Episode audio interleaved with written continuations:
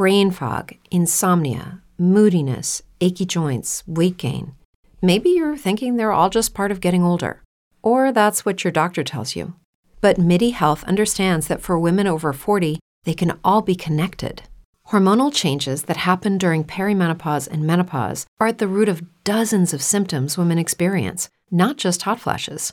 MIDI specializes in compassionate care for women in menopause. Their solutions are safe, effective, and FDA approved.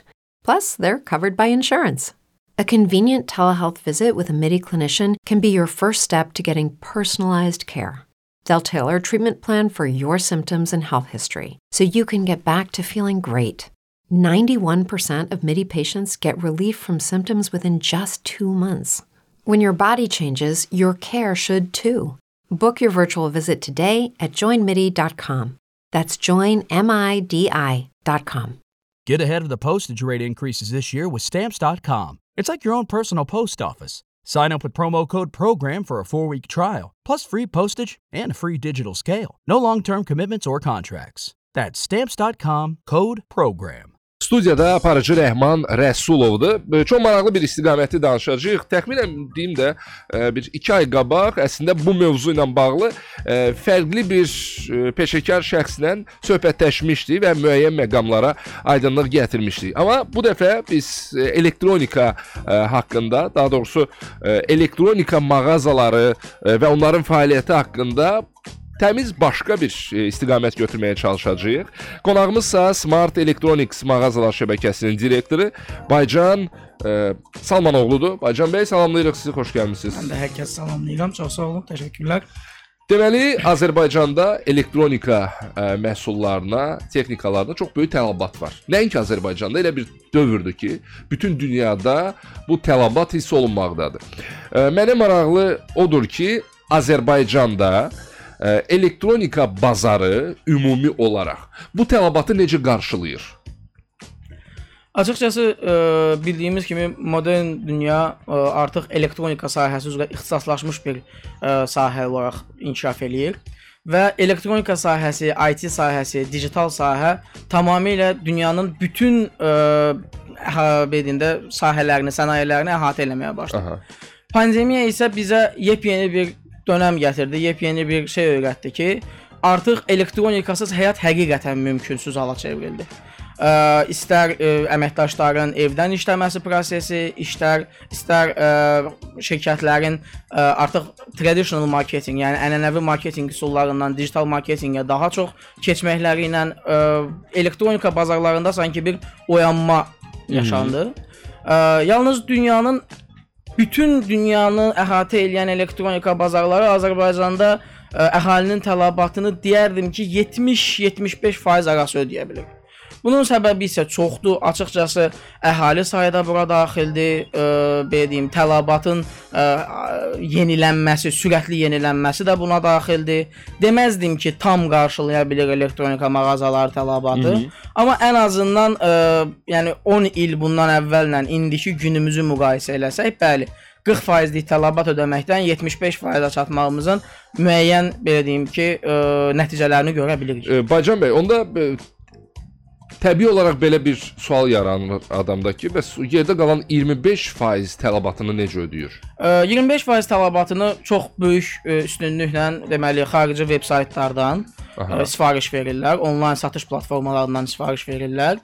Ə, eyni şəkildə elektronika mağazalarında ə, sifarişlər qəbul olunur. Məsələn, özəl sifarişlər siz gedirsiniz, deyirsiniz ki, mənə bu məhsul lazımdır, bunu gətirə bilərikmi? Artıq firma onu ə, satış əmsalına görə dəyərləndirir. Məsələn, buna bir 100 dənə, 200 dənə tələbat varsa, artıq bir satış menecment prosesinə o daxil olur.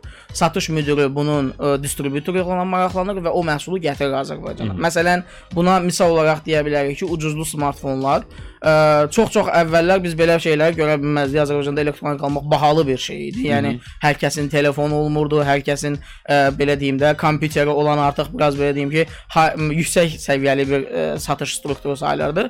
Amma hal-hazırda artıq elə deyil. Ucuzlu smartfonlara tələbatın artdığını gördülər, ucuzlu smartfon gətirdilər. Ucuzlu televizorlara ə, tələbatın artdığını gördülər, ucuzlu televo televizor gətirdilər. Bu belə deyim ki, tələbatı yaratdıqca, bəli, yavaş-yavaş yavaş-yavaş elektronika sahələri, elektronika mağazaları bunu qarşılamağa çalışır. Amma əlbəttə ki, tək-tək sifariş olunanlarda artıq onu ə, xarici ə, onlayn satış platformalarından sifariş etmək daha sərfəli olur. Sizə bir e, sual verim. E, bu e, birbaşa həm də keyfiyyətlə əlaqəlidir. Necə düşünürsüz? E, çox böyük müştəri bazası, amma orta səviyyəli və ya aşağı səviyyəli xidmət, yoxsa keyfiyyətli xidmət, bəlli bir müştəri bazası? Bu şirkətin satış konsepsiyasından asılıdır. Baxın, burada ə, nüans nədir? Sən kütləyə mi çıxmaq istəyirsən, yoxsa özəl bir kütlədən mi qalmaq istəyirsən, sadəcə keyfiyyətindən ödün vermədən? Əlbəttə ki, bilirik ki, kəmiyyət keyfiyyət meyarları tərs mütənasibdir. Biraz ə, hər zaman ə, praktikada qarşılaşdığımız bir şeydir ki, bir şeyin kəmiyyəti artdıqca keyfiyyəti aşağı düşür. Düşməyə bilərmi? Bilər. Bu halda nə tələb olunur? Daha böyük xərc tələb olunur, daha böyük pul xərc vəsait xərcləmək, investisiya qoyuluşu tələb olunur. Amma ə, bu dəqiqə üçün ə, mənim şəxsən ə, şirkətə olan yanaşmam, Smart Electronics-a olan yanaşmam kəmiyyət yox, keyfiyyət meyarıdır. Ə, burada marağımız nədir əsas? Bizdə olan müştəri kütləsini loyal müştəri kütləsi olaraq təqdim eləmək. Yəni loyal müştəri olaraq saxlamaq özümüzdə. Bu ə, əlbəttə ki, müəyyən qədər xərc tələb eləyir və biz bunu kəmiyyətləşdirdikcə ə, daha çox xərc tələb eləyəcək. Mənim şəxsi fikrim isə odur ki, ə, kütləviləşməkdənsə keyfiyyətli qalmaq daha önəmlidir. Yəni bəlli bir müştəri. bəli, bəlli bir müştəri. Amma gəlin bunu da danışaq ki, bir adam 3 ildən 5 ildən bir telefonunu dəyişə bilər və ya e, televizor neçə ildən bir almalıdır ki, məsəl üçün deyirəm. E, bax o müştəri necə alıcı olur? Yəni bir dəfə televizor ala bilər, bir dəfə telefon ala bilər. Ə, başqa ona, necə dəstək bizim olur? ona yanaşmamız belədir. Aha. Müştəri müştəri gətirir deyə bir konsepsiya var. Yəni e, loğu dildə desək, Aha. müştəri müştəri gətirir. Məsələn deyək ki, sizin dediyiniz kimi əslində telefonlar 3 ildən bir dəyişilir. Bu köhnə dövrdə qaldı. Artıq e, belə deyim ki, dəfələrlə biz bu situasiya ilə qarşılaşmışıq ki, Smart Electronics-in ə, deməli qızıl müştəri kütləsi telefonunu sürətli dəyişən adamlardır. Ə, və ə, deyək ki, indi bir telefon sifariş olunur, bu telefon istifadə olunur ortalama 1 il, 1 il 2 ay, 1 il 3 ay. Ə, və daha sonra yenisi artıq biz bilirik də bu elektronika sahəsində artıq ə, planlı köhnətmə deyilən bir şey də var. Yəni bu da bir reallıqdır. İstehsalçılar heç kimin, tərəfindən. bəli, heç kimin danışmaq istəmədiyi, amma yəni normalda bu bir reallıqdır. və ə, bəli, bu artıq deyək ki, yeni ə, yükləmələr, yeni proqram təminatları onlardan tələb eləyir ki, siz telefonunuzu yeniləyin, telefonunuzun əməliyyat sistemini yeniləyin. Bəli, 1 il 2 ay, 1 il 4 ay arasında artıq telefonları dəyişirlər. Qabaq gələk ki, bu məişət əşyaları dediyiniz. Burada artıq o ikinci dediyim konsepsiya, müştəri müştəri gətirir konsepsiyası. Məsələn, ə, bir müştəri bizdən alıcı olur, bu adam hissəli ödənişi normal vaxtında yerinə yetirir.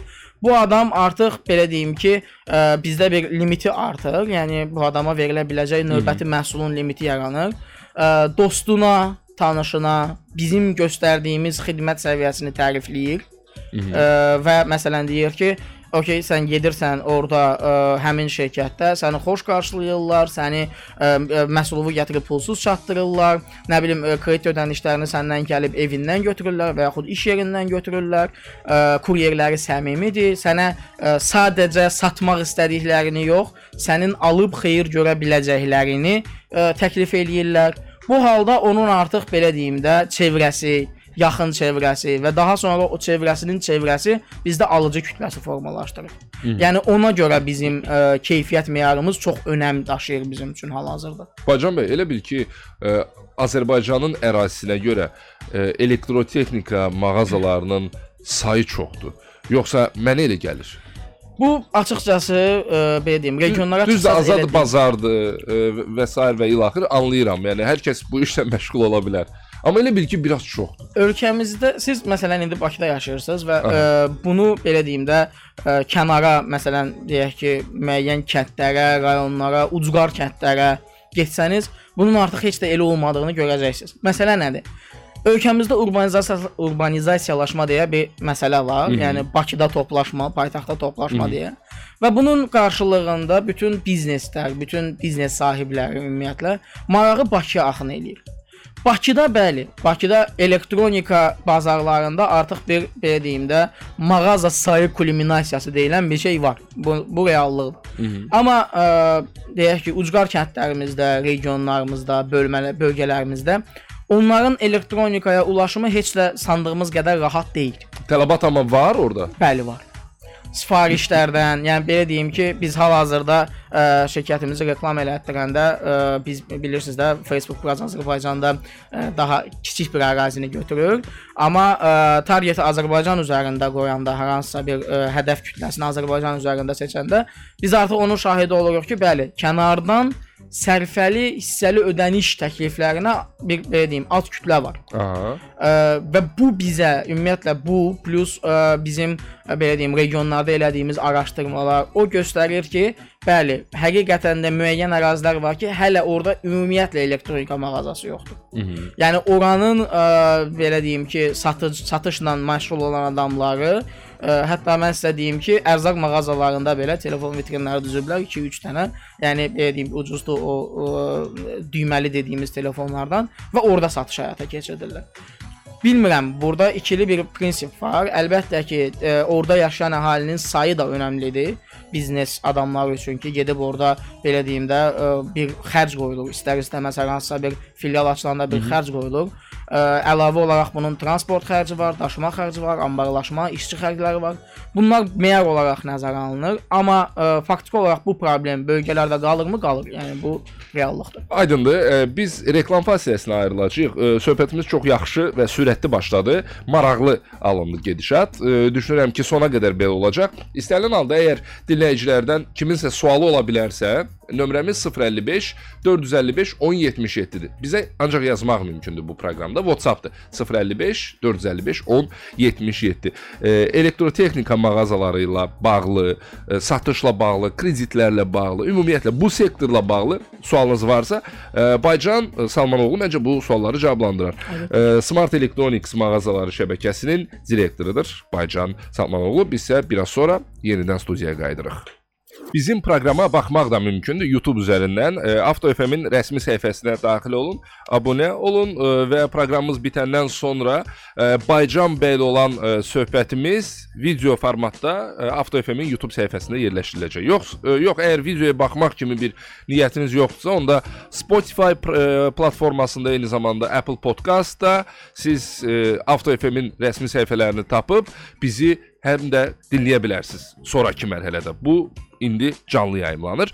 E, vurğulayım ki, studiyamızın qonağı Smart Electronics mağazalar e, şəbəkəsinin direktoru Baycan e, Salmanoğludur. Baycan bəy, deməli qiymət siyasətindən biraz e, danışaq o baxımdan ki, alıcılar indi elə bir zəmanədir ki, hamı müqayisə eləyir ki, burada görəsən e, neçə manat, neçə qəpik bahadır, burada neçə manat, neçə qəpik bahadır. Harda ucuzdur ora gedək. E, bu baxımdan Azərbaycan e, elektrotexnika e, sahəsində, bazarında, sektorunda qiymətlər necə və ya nəyə əsasən tənzimlənir bu sualın cavabını almaq istərdim sizdən. Açıqcası çox doğru, doğru vurğuladınız. Ə, artıq əhalidə bir, araşdırma marağı formalaşır. Yaxşıdır. Bu öz-özünə çox Möhtəşəm, yaxşı. Həqiqətən möhtəşəmdir. Biz ə, self learning deyirik buna, amma self learningin ilk hissəsidir. Yəni sadəcə araşdırır hələ ki. Birinci mərhələ. Birinci mərhələsidir. Və bu ə, deyim ki, sizə elektronika mağazalarının onlayn satış platformalarını təkmilləşdirmək üçün çox qəşəng bir ə, motivasiyadır, stimuldur. Ə, niyə? Çünki adamlar əvvəllər evdən çıxmaq maraqlı idi. Bəli, gedirdin bir yerlərdən, baxırdın, gəlirdin, amma indi daha çox rahatlıq önəmlidir. Daha çox evdən çıxmadan ə, belə deyim də hər şeyə əl çatanlıq önəmlidir. Artıq elə bir dövrə gəlmiş ki, evdən çıxmaq bir məziyyət sayılır. Yəni Hə. evdən çıxmaq artıq bir ə, görüləsi iş kimi baxılır. Ə, hal-hazırda bəli, elektronika mağazalarının ən çox diqqət elədiyi, ümumiyyətlə peşəkar elektronika mağazalarından Aha. söhbət gedir. Elə satış platforması filiallarından çox onlayn satış platformalarıdır. Səbəb isə nədir? Müştəri evdən daxil olur, hər hansısa bir məhsulu axtarır və bunu bütün elektronika mağazalarında qiymətlərinə baxır ilk öncə. Və müştərinin alıcı konsepsiyası var. Bu adam bunu taksitlə almaq istəyir, hissəli ödənişlə almaq istəyir, yoxsa nəqd almaq istəyir? Bəli, müəyyən mənalarda ə, deyərik ki, biz hər zaman müzakirə eləyirik ki, hələ də alıcılarda onlayn satışa inam yoxdur falan, amma ilkin mərhələsi üçün onlayn satış platformalarından istifadə eləyirlər. Məncə bilirsiniz niyə yoxdur? E, sözünüzdə kəsdim üzrlü sayın. Niyə yoxdur? Çünki mən e, yaxın vaxtlarda bir məsələ ilə bağlı eşitdim. Onlayn televizor sifariş verib onlayn formada e, vit vitrinə qoyulmuş mal gətiriblər buna. Və adam e, sektoru çox gözəl bildiyindən Misal üçün mənə gətirsəydilər, mən onu təyin edə bilməzdim. Amma orada bir məqam var, bilmirəm hansı detaldır. Ondan bilib ki, bu ə, vitrindən gətirilmiş maldır. Amma əvvəlcədən də bu detalların hamısını yazıb ki, qətiyyən belə bir şey olmasın. Ə, onlayn alışın ə, alışa mane olan amillərdən biri həm də bu ola bilər. Əlbəttə ki, yəni belə deyim, güvən hər zaman bütün şirkətlərin müştərisi ilə arasına qoyduğu ilk şərtdir. Hı -hı. Yəni iki münasibət varsa, bir ə, alqı-satqı münasibəti varsa, maddi və ya mənəvi maraq varsa, burada artıq güvən çox önəm daşıyır. Ə, və elektronika bazarlarında qiymət siyasəti hal-hazırda demək olar ki, bir-birinə çox yaxındır. Bütün şirkətlər bir-birini izləyir. Bütün şirkətlər analizlər eləyir, rəqib analizlər eləyir, qiymət ə, siyahısını analiz eləyir, verilən məhsulun parametr siyahısını əlavə eləyir, ə, analiz eləyir. Məsələn, deyək ki, bir məhsulu bu adamlar i7 prosesorundan satırlar bu qiymətə, biz i5 prosesorundan satırıq bu qiymətə. Bu kimi analizlər gedir. Üstəgəl artıq ə, xidmət analizi başlayıb şirkətlərdə şirkətlər bir-birinə ə, belə deyim də qonaq müştəri göndərirlər. Sırf xidmət analizi üçün bu adam bu məhsulu 3 günə çatdırır. A, okey, biz 1 həftəyə çatdırırıq. Demək ki, bizdə burada bir itki var. Tamam, gəlin burada 2 gün eləyək bunu. Bu kimi bir rəqabət formalaşır artıq. Və bu çox möhtəşəm bir şeydir. Yəni bizim ə, belə deyim də real bazardan istədiyimiz bir vəziyyətə gəlib çıxır artıq durum. Onlayn satış platformalarında dediyiniz o qiymət siyasəti də demək olar ki, bir-birinə çox yaxındır. Distributorlar var, məhsulların distributor distributor ə, xidmətləri var, dilerlər var. Distributorlar və dilerlər artıq əvvəlki kimi deyil. Yəni əvvəl necə idi? Hərə öz vitrinində qoyurdu. Sən bir şirkətin bir vitrininə gedirdin, baxırdın ki, burada 500 manatdır bu məhsul, o birisinə gedirdin, baxırdın ki, burada 400 manatdır. Niyə? Biri ə, deyim, Razində yerləşir, Bakıxanovda yerləşir, biri amma 28-də yerləşir. Belə bir ayrımçılıq var idi. Hal-hazırda o ayrımçılıq tamamilə ortadan qalxıb. Artıq tək qiymət siyasəti dediyimiz şey formalaşıb ə, qiymət siyasətində. Ə, üstə gəl, dilerlərə artıq distributorlar ə, belə deyim ki, verdikləri qiymətdən daha ucuz qiymətə qoya bilmirlər. Artıq o haqq arama durumu, yəni haqqını tələb eləmə durumu Hı -hı. formalaşıb. Çünki bir distributor yoxdur. Sən əgər belə bir siyasət eləsən, mən başqa distributordan alacağam Hı -hı. və bu bazarda artıq ə, düzgün rəqabət formalaşdırır çox qəşəng bir belə deyim də qiymət siyasəti var elektronika bazarlarında və digər bazarlara baxsaq, yəni avtomobil bazarına baxsaq, daha belə deyim ki, hələ elektronikalaşmamış bazarlara baxsaq, deyərdim ki, bizim bazarda olan qiymət ə, rəqabəti və qiymət siyasəti çox daha çox-çox daha iləridədir digər bazarlardan hal-hazırda. Burada müştərinin, alıcının könlünü fəth et etmək kimi bir məsələ də var. Məsəl üçün mən bir neçə müddət bundan qabağa qədər e, tamam fərqli bir e, elektrotexnika mağazasından alış-veriş eləyirdim. E, çox bağlıydım. Yəni nə lazım olurdusa, 5 manat bahasına olsa belə yenə gedib oradan alırdım. Çünki həmin məqama qədər yaxşı xidmət göstərirdilər mənə. Bir dəfə qızıl zəmanətlə bir e, məhsul almışdım. E, deməli bu məhsul mənim başıma oyun açdı. Texnikadır, xarab ola bilər. Sadəcə onun e, araya ərsəyə gətirilməsi, dəyişdirilməsi, təmir olunması düz 5 ay vaxtımı aldı. Mən e, hər halda e, onların marketinq rəhbərinə yazana kimi, onların marketinqlə indi mənim tanışım var deyə mən onlara bu formada canlı-canlı müraciət eləyə bilirəm. Bəs alıcı, adi alıcı bunu eləyə bilmir axı. Mən artıq onlarla əməkdaşlıq eləmirəm, nə mənada? Yəni alıcısı deyiləm. Bitirdim ondan işimi. E, sırf sizin sektorda e, müştərinin könlünü fəth eləmək üçün, onu o brendə bağlamaq üçün, markaya bağlamaq üçün nə etmək lazımdır? Biz hər zaman deyirik, baxın siz o bayaq dediyiniz 5 manat bahasına da olsa Aha. oradan alıram, siz loyal müştərisiniz. Mənim bayaqdan o haqqında danışdığım o loyal müştəri, o loyal müştəridir. Gəlin indi məsələnin digər tərəflərinə baxaq. Biz hər zaman deyirik ki, bazarda ə, ümumi bir qiymət siyasəti formalaşdırsaq, bazarda ümumi qiymət siyasəti formalaşsa, artıq işin yükü düşür xidmətin üzərinə. Bəli, xidmət bundan 5 il əvvəlki qədər tələb olunan qədər tələb olunmur. Artıq onun bir 10 qatı, 15 qatı tələb olunur mağazalardan. Mhm. Əvvəllər bilirsiniz məsələ burada yanaşma necədir? Olmayanda istəmirsən. Yəni deyirsən ki, bir dənə bundadır, gedim bundan götürüm. Aha. Amma olanda hər zaman daha çoxunu istəyirsən. Bu xislətdir, bu bir belə deyim, insanlığın psixologiyasıdır. Və bəli, var, həqiqətən də elektronika mağazaları var və əlbəttə ki, sizin də dediyiniz kimi səndən daha yaxşı xidmət göstərən yer də var. Mhm. Qiymət siyasətində hər zaman üstələmək mümkün deyil. Hər zaman hər məhsulu daha ucuz sata biləcəm deyə bir şey yoxdur.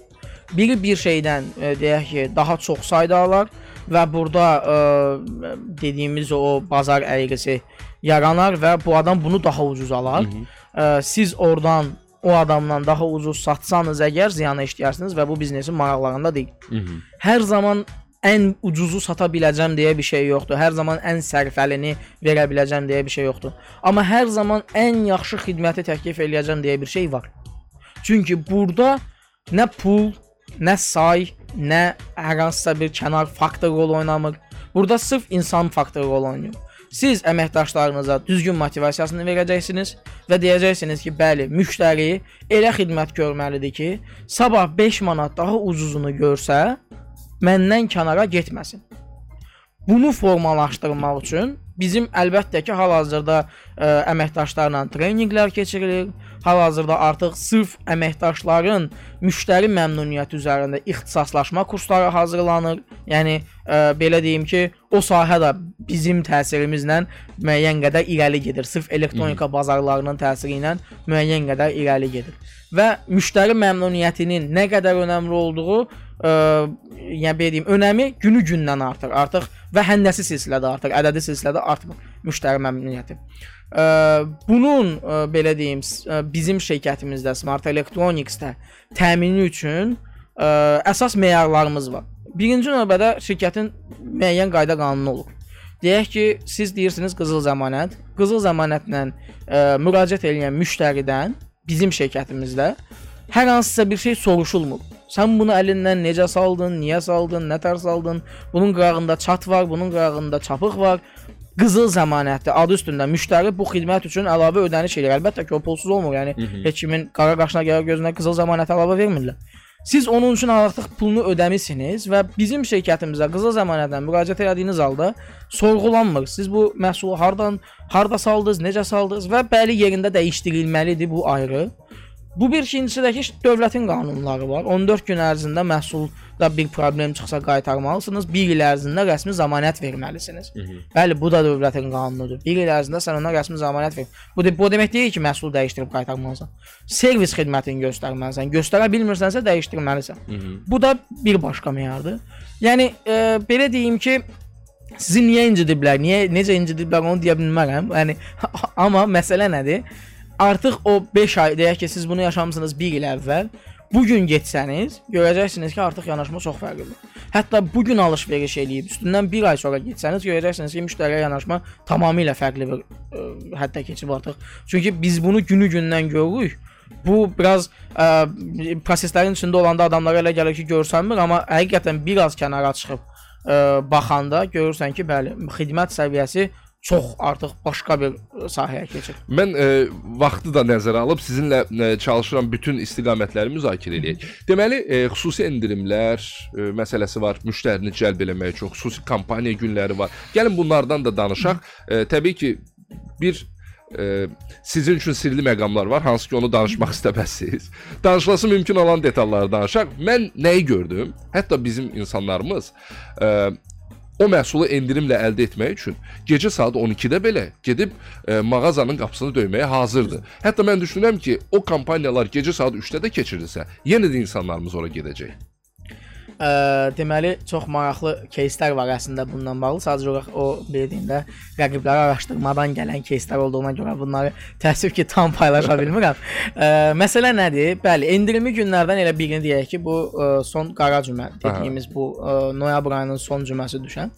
Orada gördünüz, bilmirəm, araşdırdınızmı? Elektronika bazarları ən aktiv bazarlardır. Hə. Yəni ə, Azərbaycanda geyim bazarı belə xaricdən belə deyim də, xarici şirkətlər ə, at oynadırdı reklam bazarında. Amma elektronika bazarlarında bir dənə belə xaricdən belə deyim də reklam görə bilməzdiniz. O qədər böyük bir təklif bidi var idi ki, yerli bazar tərəfindən. Artıq qabağımıza belə deyim də, xaricdən o elektronika məhsulları çıxmırdı belə. Çünki yerli bazar artıq belə deyim ki, reklam bazarını fəth eləmişdi. Bəli, endirimli günlər iki meyarda olub. Bir peşəkar firmalar tərəfindən, bir qeyri-peşəkar firmalar tərəfindən. Qeyri-peşəkar firmalarda hər kəsin də düşündüyü kimi gəlin səmimi olaq, əl təmizləmə, stok təmizləmə məsələsi gedir. Yəni daha ucuza qoyurlar, daha uzun müddət qalmış məhsulu. Outlet. Bəli, bu qeyri-peşəkar yanaşmadır. Amma peşəkar şirkətlərin sayı Azərbaycanda həddindən artıq çoxdur. Və biz gördük ki, bizim bazarımızda, yəni elektronika bazarında o son həftə, yəni son noyabr həftəsi ə, demək olar ki, 1 ilin heç bir həftə aralığında o belə deyim də ən ə, qısa müddətdə hesablasaq, o bir həftəyə normalda ilin 4 həftəsini sığdırmaq olardı. 4 həftəsinin satışı bir həftədə oldu. Bəli, bu sırf insanların puluna qənaət məntiqidir. Artıq insanlar o pulu xərcləyəndə, pul artıq elə çətinliklə qazanılır ki, pulu xərcləyəndə belə hara xərcləməli olduğunu, nə vaxt xərcləməli olduğunu planlayıb xərcləyir. Ən çox nə satıldı görəsən? Yəni mən öz кейsimizi deyim. Əlbəttə Aha. ki, bazarı da araşdırmışam, bilirəm bazarda nə satdım, amma öz keysimizi deyim. Ə, ən çox Apple məhsullar. Yəni ə, bəli, qiyməti sizi şoka Bəli, salır. pul okey. qazanmaq çətindir amma Apple. Hə, yəni belə deyim də, Apple almaq üçün gözləməyə dəyər bir ə, psixologiya yaradıb artıq. Təxminən nə qədər fərqi oldu adi? Mə məsəl üçün bu Dediyim gündən kimi son bir həftə növbə, normal ayın 4 həftəsi idi. Yox, onu demirəm. E, Black Friday-da aldığı e, o məhsulun qiyməti ilə indi geyib alsam nə qədər fərq eləyir? Yəni məsələn, ə, bizim özümüzdən götürsək, ortalama bir məhsulda 500 manat.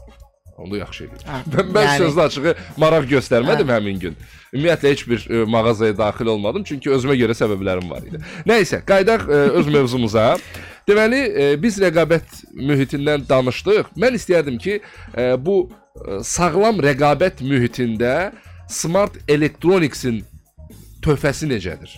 E, Daha doğrusu sağlam rəqabət mühitinə Smart Electronics necə töhfə verə bilir? Ə, bilirsiniz, Smart Electronics bazara, ümumiyyətlə elektronika bazarına çox ə, bir belə deyim də qarışıq vəziyyətdə girmişdi. Biz daxil olanda Azərbaycan bazarında devalvasiya fulyaları əsirdi. Biraz ə, belə deyim ki, çətin bir proses idi.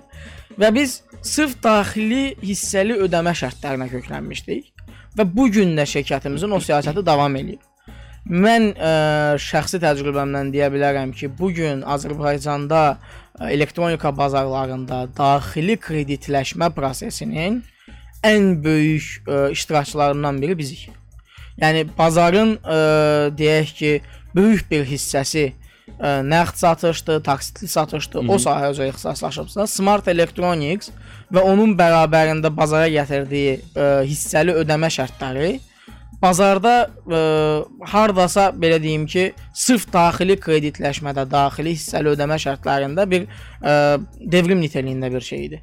Ə, bizim bugünkü ə, xidmət sahəsi sahəmizin, xidmət ə, konsepsiyamızın əsasını da zaten kreditləşmə təşkil eləyir, yəni daxili kreditləşmə. Burada əhalinin ə, belə deyim ki, daha dar büdcəli və büdcəsini qənaətlə xərcləməli, xərcləmək istəyən ə, kütləsinə biz birbaşa nüfuz eləyə bilirik. Ə, hal-hazırda bizim olan ə, nəqddən ucuz kredit kampaniyamız isə, yəni nəqddən ucuz kredit anlayışımız, siyasətimiz demək olar ki, hələ ki elektronika bazarlarında yoxdur. Və məsələ nədir? Siz e, deyək ki, daha qısa bir müddətə 2 aya, 3 aya alırsınız, bu gün ödəyəcəyiniz puldan daha az pul ödəyirsiniz. 3 ay ödəyirsiniz bunu, amma bu gün ödədiyiniz puldan daha az pul ödəyirsiniz. Nə maraqlı. Siz bizim filiala gəlib məsələn istənilən bir məhsul 400 manat alacaqsınızsa, siz onu 3 aylıq kreditə bölsəniz, bizdən 350 manat alacaqsınız. Necə olur ki? Onun belə deyim, konsepsiyası, e, konsepsiyası mənə qalsın, amma. Ə, amma belə deyim ki, çox ciddi mütəxəssislər var bu işin arxasında. Yəni ə, Smart Electronics bir hər zaman dediyimiz bu komanda işindədir. Ə, bəli, çox ciddi təcrübələr var, kreditləşmə təcrübəsi var, bank təcrübəsi var bu işin arxasında və bu gün ə, həqiqətən də müştərilərimizin ən çox diqqətini çəkdiyimiz sahə, hətta rəqiblərimizin belə ən çox diqqətini çəkdiyimiz sırf ə, belə deyim də bu işdir. Bu gün ə, el biz araşdırırıq, baxırıq kredit sahəsində artıq ə, müəyyən meyarlarda endirimlərə gedilir. Artıq əvvəlki yüksək büdcə ilə kredit verilmir. Daha belə deyim ki, siz üstünə pul gəlirsiniz. Bu ə, deyək ki, faiz faiz gəlirsiniz. Artıq faizsiz kredit kampaniyasının anlayışını bir növ formalaşdırmış olduq. İkinci bir töhfəmiz isə komissiya idi. Ə, kreditlərdə kredit alarkən siz istənilən bir filial şə şəbəkələrdən əvvəllər əvvəllər belə idi. İndi bəziləri yığışdırıb. VIP müştəri belə olsanız komissiya ödəyirdiniz. Kreditin rəsmiləşmə komissiyası dediyimiz bir komissiya var idi. Bazara ilk girdiyimiz gündən komissiyaya yox dedik. O həmişə əsəbləşdirib Hə, insanları. yəni belə deyim ki, ə, banklarda bu bu təcrübə banklardan gəlir. Aha. Banklarda kreditin rəsmiləşdirmə komissiyası var. Bu bankın xərclərini ödəmək üçün qəbul elədiyi bir ödəniş növüdür. Ə, və belə deyim ki, daha sonra daxili kredit verən hamı da var idi. Biz bazara komissiya ilə, komissiyasız kreditlə, hətta faizsiz belə vermədiyimiz dövrlərdə komissiyasız olduğunu vurğuluyurduq. Yəni adam daxil olur dükana, sizin də faktiki alıcınızdır. Sən ondan müəyyən bir meyarda, deyək ki, 10%, 12% bu adamdan komissiya tutursan, bu adam səndən soruşur, bu komissiya nəyin komissiyasıdır? Sən ona sadəcə olaraq deyirsən ki, şirkət qanunudur. Komissiyadır da. Bu bu şirkət ə, belə deyim də qanun qanundur əlbəttə Aha. ki, amma qanunlar da hər zaman pozula bilər. Həm də bu- yox əsaslandırılmalıdır. Bir, Bəli, bir qanun əsaslandırılmalıdır. Belə deyim ki, ə, siz banka yaxınlaşıb komissiyanı soruşanda o avtomatik olaraq deyəcək ki, kreditin rəsmiləşdirmə xərcidir. Ay sağ ol. Amma sizin filialınızda ə, belə deyim ki, istə və burada belə bir məsələ var. Bankın verdiyi kredit nominal kreditdir. Pulun pul dəyəri var.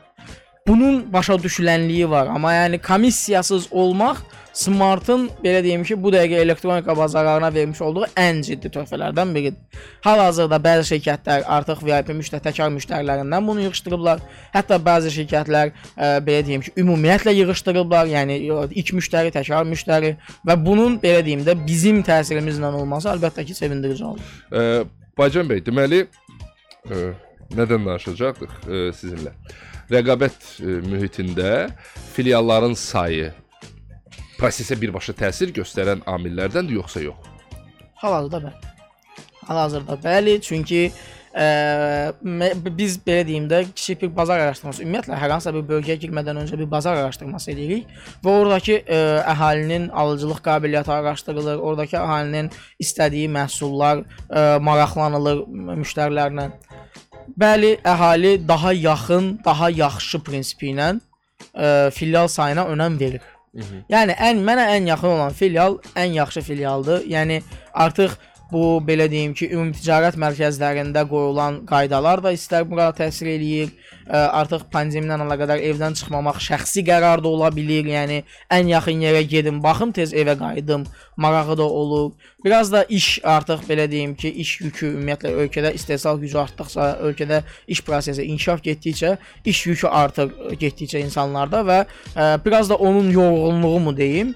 Bəli, faktiki olaraq ə, filiallar, filialların həcmi, onların içindəki mal çeşidliliyi, bəli, bunlar ə, satışa mənim düşüncəmə, ən azından mənim təcrübəmə görə bəli Təsir təsir eləyir. Ə, Azərbaycan ə, Azərbaycanda sizin fəaliyyət göstərdiyiniz sektorda ə, iki siz qarışıq nəhəng şirkətlər var. İşləyirlər, illərdir fəaliyyət göstərirlər. Ə, bazara təzə girmək istəyən olsa, indi bizi dinləyən dinləyicilər arasında kiminsə pulu var, müəyyən mənada ə, təcrübəsi də ola bilər. Fikirləşir ki, nə maraqlı sahədir. Bəlkə mən də bazara girim. Çətin deyil ki, onun üçün bu bazara girib bu bazardan baş çıxartmaq. Açıqcası ümumiyyətlə belə bir anlayış var ki, iqtisadiyyatda hər hansısa bir e, bazara daxil olanda onun entry barrier dediyimiz giriş bariyerləri, girişdəki əngəllər nəzərə alınmalıdır. Elektronika bazarlarında giriş bariyerləri varmı? Var. Digər e, sahələrdəkindən çoxdurmu? Deyil. Mhm. Amma bir giriş bariyeri olaraq görə biləcəkləri ilk şey, bəli, məhsulların qiymətidir. Yəni məsələn deyək ki, siz ə, kiçik bir büdcə ilə elektronika bazarına daxil olursunuzsa, burada əlbəttə ki, gözə almalı olduğunuz risklər formalaşır. Siz məhsullara kredit versəniz, bu pulun likvidlik məsələsi yaranır. Aldığınız məhsulun dəyərini bu gün ödəyirsiniz faktiki olaraq, amma bunu məsələn 12 ay, 18 ay, 24 aya geri alacaqsınız. Bunun davamlılığını formalaşdıra biləcəksinizmi? Bu kimi entry baryerlər nəzərə alınmalıdır, giriş baryerləri nəzərə alınmalıdır. Daha sonra ə, bizim satdığımız məhsulların artıq ə, qiymət meyarları yuxarılaşmağa başlayıb, üst, yuxarı qalxmağa başlayıb. Ümumiyyətlə ə, pandemiyadan sonra elektronika bazarlarında da bir qiymət bahalaşması formalaşdı. Səbəb isə istehsalın azalması idi. Yəni istehsal gücü artıq ə, deyək ki, əvvəl kimi deyil elektronika bazarlarında. Günü bu gün siz özünüz də araşdırsanız biraz ə, bütün elektronika sahələrində qıtlıqlar var, shortagelər yaranır Hı -hı. və bunun ə, belə deyim, sizin bu dəqiqəki bazara giriş entry bariyeri kimi görə bilərsiniz əslində. Ə, yəni belə deyim ki, formalaşdırmaq olar, yəni bir şeyləri bacarmaq olar, amma ə, daha çox ə, maliyyə burada ən böyük entry barrier kimi görülür.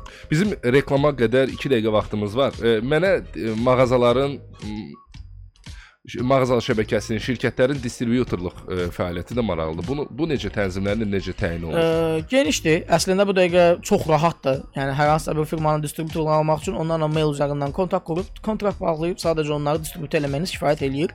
Ə, məhsul ə, demək olar ki, limitləri artıq çox aşağıdır. Yəni sən bizim bazara girməsən. Əlbəttə ki, söhbət böyük brendlərdən getmir. Hı -hı. Böyük brendlərin özlərinin guideline olur, onların ə, belə deyim, distributoru olmaq üçün tələbnamələr olur.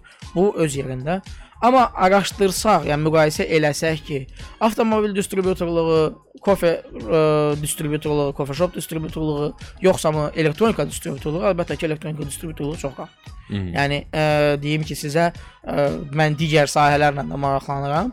Ə, bizdən ə, son təcrübəmə görə sadəcə kontrakt yazıb, ə, mail yazıb kontraktı bağlamağımız toplamda 7 gün çəkmişdi. Yəni 7 gündən sonra biz sifarişimizi verdik və 14 gündən sonra Azərbaycanda təhvil aldıq. Yəni bu qədər bəsit. Çox maraqlı. e, biz birazdan davam eləyəcəyik. E, proqramımızın son bölümünə daxil olacağıq. Vaxt te çox tez keçdi. E, söhbətin maraqlı olmasından irəli gəlir, mənə elə gəlir bu. 055 455 1077 WhatsApp nömrəmizdir. Sualınız varsa yazıb göndərə bilərsiniz. Studiyamızın qonağı Smart Electronics mağazaları şəbəkəsinin direktoru Baycan Salmanoğludur, aparıcı Rəhman Rəsulovdur.